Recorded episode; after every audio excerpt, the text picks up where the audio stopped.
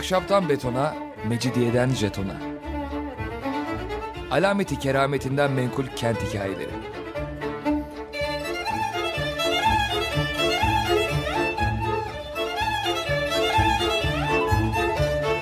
Hazırlayan ve sunan Pınar Erkan.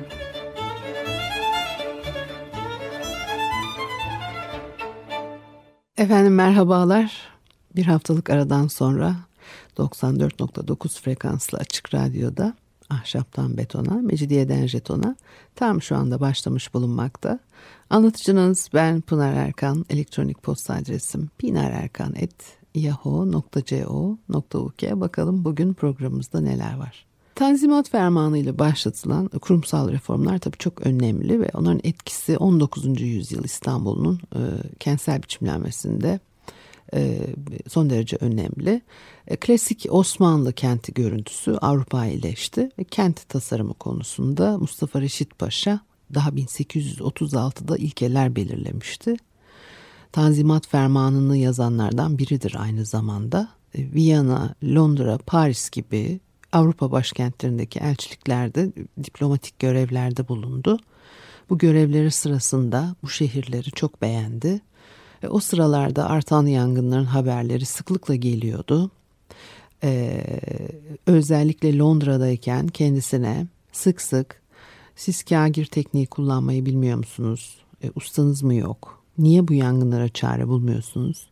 Niye ahşap kullanmaya devam ediyorsunuz türünden e, sorular sorulmasının sinirini zıplattığını söyler. E, Osmanlı şehirlerinin de e, Avrupa'daki standartlara erişmesi gerektiğini e, vurguladı. Bu nedenle kent planlamasına bilimsel yaklaşımları savundu. Ona göre yol şebekesi kavaidi hendeseye uygun olmalıydı. Halbuki özellikle o devirlerde mevcut yollar labirent gibi, çıkmaz sokaklar bol, dar, uzun ve e, bunun düzeltilmesi gerekiyor ve batı sistemleri uygulanacak. Avrupalı mimar ve mühendislere iş verilecek. Sonra da yerli mimar ve e, mühendislerin yetiştirilebilmesi için batıya öğrenci gönderilecek. Pek çok şey öngörüyor. E, yapı malzemesi olarak ahşaptan kagire geçiş bu sürecin önemli bir adımı. Kagir malzeme yangınları engelleyecekti. O arada bir Alman mühendis von Moltke İstanbul sokak ağını düzeltmekle e, görevlendirildi. E, halbuki adam İstanbul'a gezmeye gelmiş. E, e, Moltke planları meşhurdur. E, mühendisin önemli önerileri olmuştur. Yani Moltke önemli bir adam. Hem o seyahatnamesi başka konularda da e, işte bildirdiği görüşler filan hem de işte mimarlık açısından. Ee, ama planları uygulanmadı. Uygulanmamakla birlikte önerileri ve e, Mustafa Reşit Paşa'nın görüşleri yeni inşaat yönetmeliklerinin temelini oluşturmuştur. Yani planı, doğrudan uygulamadılar ama e, etkisi e, oldu onun getirdiği önerilerin. Ebniye nizamnameleri 19. yüzyılda ilk nizamname 1848 tarihli. Ertesi sene elden geçiriliyor. E, üçüncüsü 1864'te e, ve 19. E, yüzyıl sonunu tanımlayan son nizamnamede 1882 tarihli kentin değişimini belirlemiştir. Ayrıca yine sokak düzenlemesi vesaire ile ilgili iki nizamname daha var aralarda. Hepsi aynı mesele üzerine yoğunlaşıyordu. 19. yüzyılda tabi yapı boyutları değişiyor, çok değişiyor. 18. yüzyılda ferman ile belirleniyor kurallar. E, gayrimüslim tebaaya tanınan haklar farklıydı. Mesela işte Müslümanlara 9 metre izin verirken e, gayrimüslimlere 7 metre veriyor. Renk farklılıkları da var. E, çeşitli dükkanlar içinde e, yükseklik e, farklılıkları var. Herkes fermanla konulan kurala uymak zorunda yangın yerlerine asla yeniden cihannüma yapılmayacak diyor mesela. Şahnişin de buna dahil. Hatta ölüm cezası söz konusu. Bunlar bazı örnekler. Bu fermanların sık sık tekrarlanmasından kurallara fazla e, uyulmadığı da anlaşılıyor. Tanzimat ise e, gayrimüslimlerle Müslümanlar arasındaki o e, farkları pek kaldırmıştır. E, birinci Ebniye Nizamnamesinde sadece ahşap ile kagir yapı arasında kat farkı veriliyor. İşte e, ahşap 22 zira ise kagire 30 zira veriyor yükseklik olarak. Zira da 76 santim. E, teşvik etmek için yapıyor bunu. E, dükkan yükseklikleri işte 7 zira. Üstlerinde oda bulunduğu takdirde 10 zira. Bunlara uymak zor. E, e, batılı tipte kurallar dizini e, halkın yabancı olduğu bir sistem. Günümüze kalan örnekler nizamnamelere uygun yapılmış olan binalardır. Dolayısıyla ölçekte de dikkat çekici farklar oluyor malzeme değişmiş. E, kagir yapı artmıştır. İnşaatlarda kısıtlayıcı hükümler var. Yer seçimi de e, e, hükme bağlanıyor ama hep sorunlu. Sokakların genişlemesi de kurallarla belirlenmiştir. 1854 yılından itibaren yangın yerleri haritaları çiziliyor. Yangınla boşalan alanlarda ızgara sistem uygulandığı görülür öncekilere kıyasla daha genişletilmeye çalışılmıştır yollar. Büyük cadde 20 zira olmuş. Normalde 15 ziraydı. E, küçük sokak 10-12 zira. İşte çıkmaz sokak 6-8 zira deniyor. Yollar genişledikçe yapı yükseklikleri artıyor. E, ama tabii burada e, yani o kadar ışık güneş nasıl geliyor nasıl gidiyor ona çok dikkat etmiyor. Sonraki yönetmeliklerde bunları da göz önüne alıyorlar filan ve kent ölçeği büyüyor. Ancak gezginler yine de bir buçuk iki metre genişliğinde yollardan bahsediyor.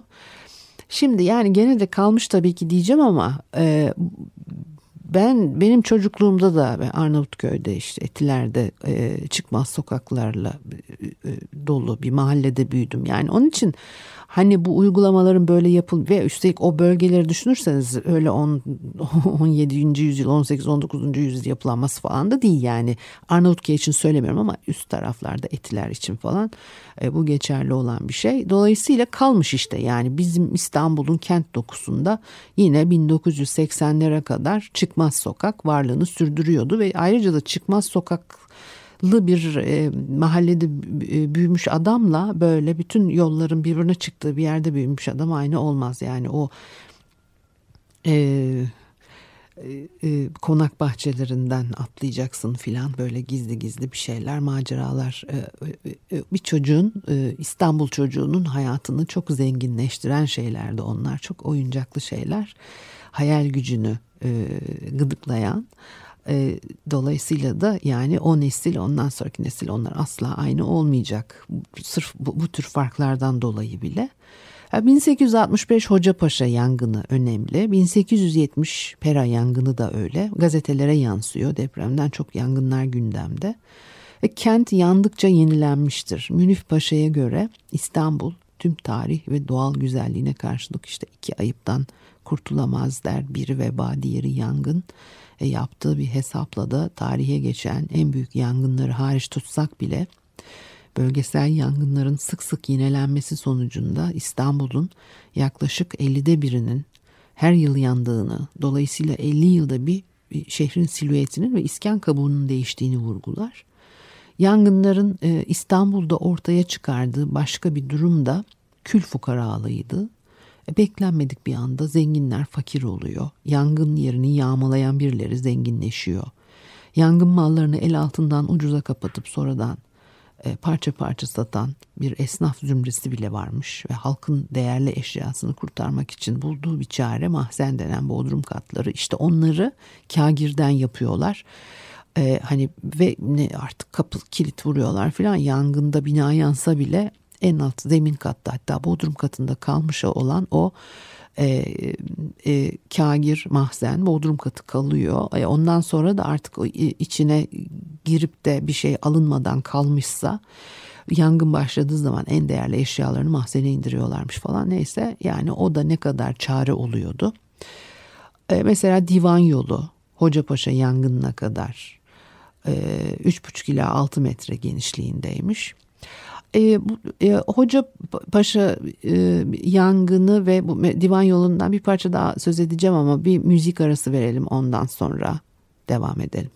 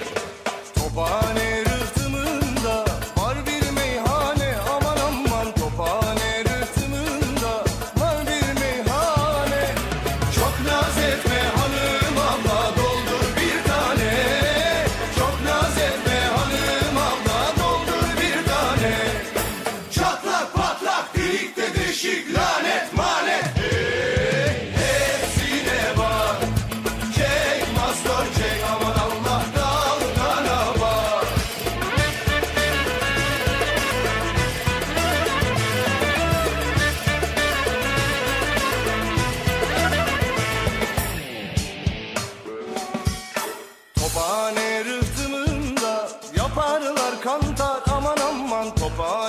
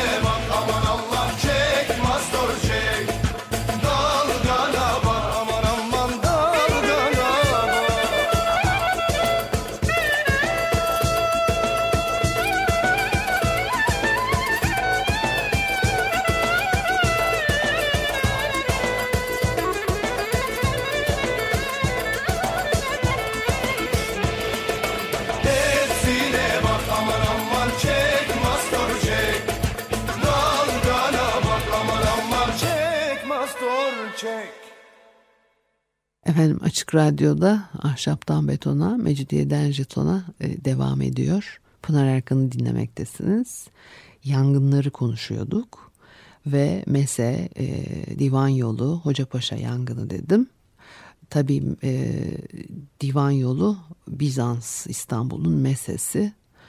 E, Hocapaşa yangınına kadar 3,5 ila 6 metre genişliğindeymiş. Sonradan genişletiliyor e, Bizans ve Roma'nın mesesi divan yolu kentin bütün tarihi boyunca omurgasını oluşturan ana yol ve yapılan kazılarda elde edilen bilgilere göre de revaklı bir yol bu.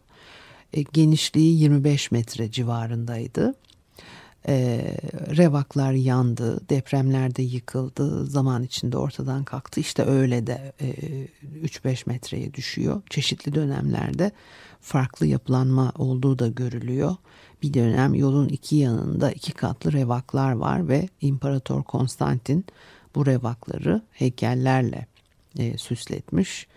E, revakların surlara kadar uzandığı taş döşeli e, yaya ve e, araba yoluymuş. E, altında tuğla ile örülmüş kanalizasyon kalıntıları var ve yolun iki yanından bir iki basamakla revaklı kısma çıkılıyor. Bu revakların arkasında dükkanlar sıralı. Milyon taşından başlayıp Konstantin situnu veya işte çemberli taşın merkezini oluşturduğu Konstantin formuna ulaşıyor. Saray kapısından milyon taşına gelene kadar da parfüm satıcıları varmış. Böylece kötü kokuların saraya ulaşması engelleniyormuş.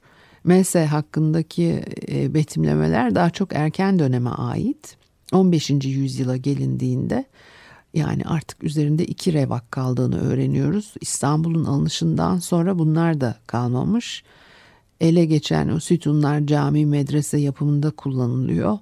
Yani ben e, yıllar yıllar önce e, İstanbul Üniversitesi'nin e, e, e, karşı kaldırımlarında işte Laleli'de filan e, yolun üstünde sütun parçaları, taşlar olduğunu hatırlıyorum. Bilmiyorum ki acaba bugün hala duruyorlar mıdır? Anıtlar, e, sütunlar, taklar, heykellerle e, bezeli bir yol ve meydanlar geçerek kenti bir baştan bir başa e, kat ettiğini düşünmek çok görkemli bir imge oluşturuyor. Fakat romanın büyük ve ihtişamlı imgesi de zaten böyle bir şey. Yıllar içinde yangınlarla, yıkımlarla gide gide e, orijinalinde 25 metre olduğu söylenen e, bu yol 3 ila 6 metreye kadar e, düşmüş. İkinci Mahmut döneminde faytona izin veriliyor. Buna rağmen yolların e, sistemli hale getirilmesi uzun zaman almıştır. 1839'da 2. Mahmut ölüyor. Türbesi Ohannes Dadyan'a yaptırılmıştır. E, kent mekanı içinde biçimlenişi, divan yolundaki konumlanışı önemlidir. E, yolun genişletileceği düşünülerek geriye e, çekiliyor. Öncü bir biçimleniş var bu anlamda da. İkinci Mahmut Türbesi'ni e, bir programda bayağı bir konuşmuştuk diye hatırlıyorum. Galata Pera'nın tersine o yıllarda tamamen ahşap bir yapı dokusunun içine konumlanıyor. Hocapaşa yangınından sonra İslahat Turuk Komisyonu oluşturuluyor.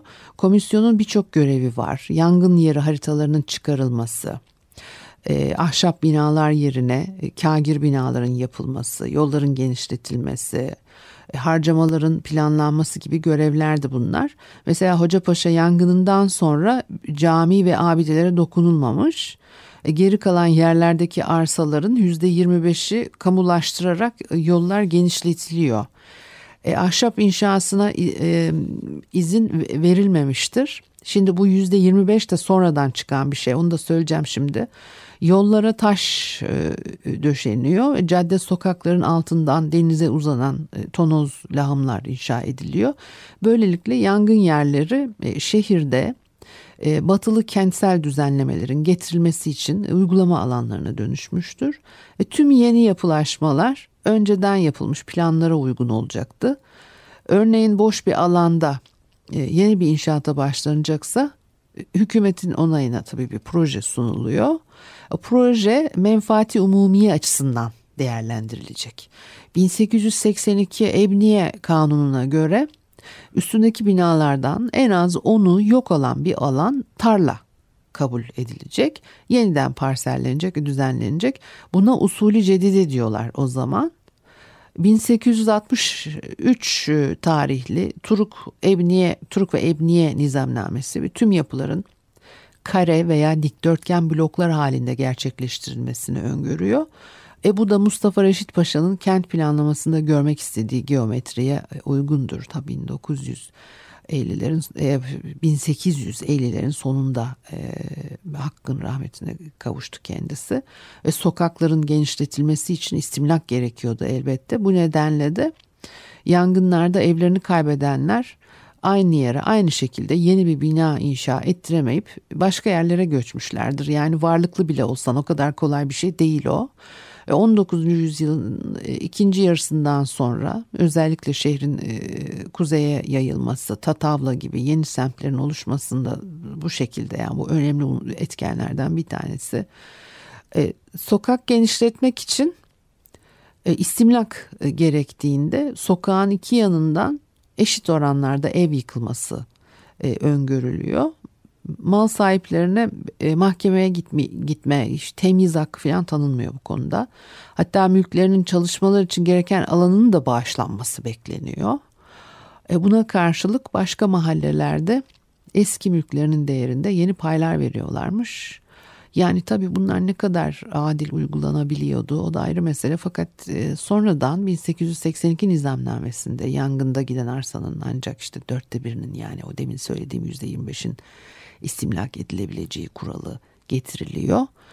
Yani biraz yoklaya yoklaya gidiyorlar. Avrupa'daki e, kanunlara e, paralel e, gittiğini bunların aslında görüyoruz. Hatta bazı kanunların Avrupa'dan bile erken çıkarıldığı konusunda da bilgiler var.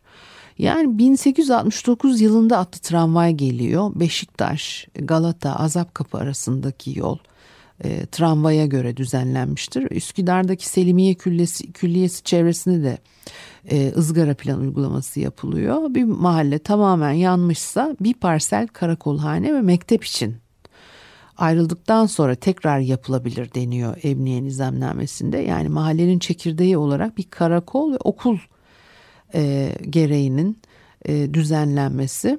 Yani bu Osmanlı için e, büyük gelişme o dönemde. Yangınlardan sonra konutların hızla yapılabilmesi için ücretler belirleniyor ve yangın duvarı yapılması şart koşuluyor. Her beş konut arasında yapılan bir kagir duvardır bu. Giderek her konut arasında konmuştur ama bir de şöyle bir şey var. Yani o e, varlıklı insanların yaşadığı e, muhitlerde yani bir kere zaten her e, e, ahşaba kesinlikle izin vermiyorlar ama eğer e, kagir malzeme kullanamayacak e, bir ekonomik seviyede ise o zaman işte ahşap izin veriyorlar. O zaman da diyorlar ki madem ahşap yapıyorsun işte e, yangın duvarı koy araya gibi. Sonra giderek her konut arasına işte konuluyor. Ondan sonra da zaten e, e, farklı bir yapı ortaya çıkıyor. Saçakların saç kaplanması ve en fazla 55 santim taşması öngörülüyor. Bacaların demir hatılı ve tuğladan olması. Çatıdan en az 150 santim yukarı çıkacak diyor. Sıçramaları, kıvılcım sıçramalarını falan işte. Binalar tam kagir, yarı kagir e, olarak ayrılıyor. Tam kagir binalarda kiriş çatılarda demir ve bakır kullanılması isteniyor. Bir görüşe göre bakır kullanılırsa bir bina 2000 yıl ayakta kalırdı. Hatta e, yani kagir binanın bir ömrü 200 yıl kadar. Bu da tabii ahşap binaların yaklaşık iki katı eder. E, tüm nizamnameler ahşabın kullanımını azaltmaya yönelik. E, ahşaptan pek vazgeçilmemiştir ama yani teknikse birinci neden, diğeri örgütsel, e, kültürel ve ahşap inşaat ucuz, kolay, kagirden daha hızlı ilerliyor. Ee, yani ustası bol, e, tekniği filan. Ahşap konut dokusunun dezavantajları hep vardı kuşkusuz. Nüfus arttıkça buna bağlı olarak yapı dokusu sıklaştıkça yangınlar sorun haline geldi. İstanbul alındıktan sonra ilk 180 yılda şehirde yangınla ilgili bir kayda rastlanmıyor. Sonra 1633'te Cibali yangını ciddi bir tahribat yaratıyor. Arkasından da diğerleri geliyor. 1663 ile 1839 yılları arasında İstanbul ve Galata'da 109 büyük yangın yaşanıyor. Kayda geçmiş bunlar. E, bu sayı 1853-1906 yılları arasında 229'a çıkmıştır. E, iki katı. 1856 Aksaray yangını ile 1865 Hocapaşa yangını e, tarihi yarımada da çok etkili köklü değişikliklere neden oluyor. Aksaray'da 650'den fazla bina yanıyor. İstanbul tarihinde ilk kez yangın yerinin e, işte sistematik e, haritası çıkarılıyor. Yeni bir kentsel tasarım yapılıyor, uygulanıyor. Birbirini dik kesen arterlerin kesiştiği noktalarda köşeleri kırıyorlardı. Böylece küçük meydancıklar çıkıyor ortaya. Sonra 1865 işte senesinde e, Hocapaşa yangını çıkıyor. Büyük yangın olarak bilinir. Eminönü'nün batısında rüzgarın da etkisiyle ta kuzeyde Haliç'e e, Beyazıt e, e, meydanına kadar çok geniş bir alan 32 saat içinde yanıp kül oluyor. E, İslahatı Turuk Komisyonu böyle kuruluyor. E, tarla kuralını uygularken çıkacak ihtilaflara çözüm bulunacak. E, yani yolların islahatı komisyonu demek bu. Konstantin Forumu özgün haliyle eliptik bir e, biçimdeydi. Ortasında da Konstantin sütunu veya çemberli taş yer alıyor. Yangın olana kadar yoğun bir yapı dokusunun içinde görünmez olmuş adeta. E, Miss Pardo 1839 senesinde anıtı şöyle anlatıyor. Anıtın güzelliği tamamen yok olmuştur. Zira hemen bitişiğinde mütemadiyen çıkan yangınlarda enine boyuna çatlamıştır ve etrafını dikkatle sarılmış çemberler sayesinde e, ayakta durmaktadır. Sütunun kaidesi 10 metre eninde olup inşası esnasında içine kutsal haçtan parçalar konmuştur ki bu sebeple mukaddes bir ziyaretgah haline gelmiştir. Önünden geçen her atlı atından inerek dua etmeden geçmez ama Müslümanlar sütunun sağlam taş örgüsü altında yatan emanetlerin yarattığı mukaddesiyatı fark etmezler. Bu sebeple sütunun her cihetini süfli ve çirkin evlerle doldurmuşlardır. Bu eşsiz abideyi asar atika tiryakileri ancak bir cepheden layıkıyla temaşa edebilirler.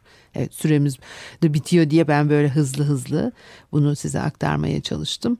Yani ondan sonra yapılan e, uygulamalarda da et sağdaki hamamın kubbesi, soldaki külliyenin medresesi kesilip biçiliyor filan. Böyle de şeyler. Evet bu haftalık da bu kadar olsun. Önümüzdeki hafta görüşene kadar hoşçakalınız.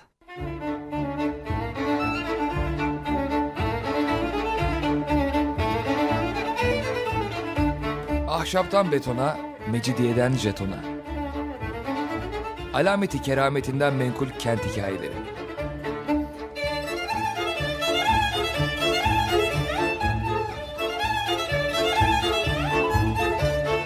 Hazırlayan ve sunan Pınar Erkan.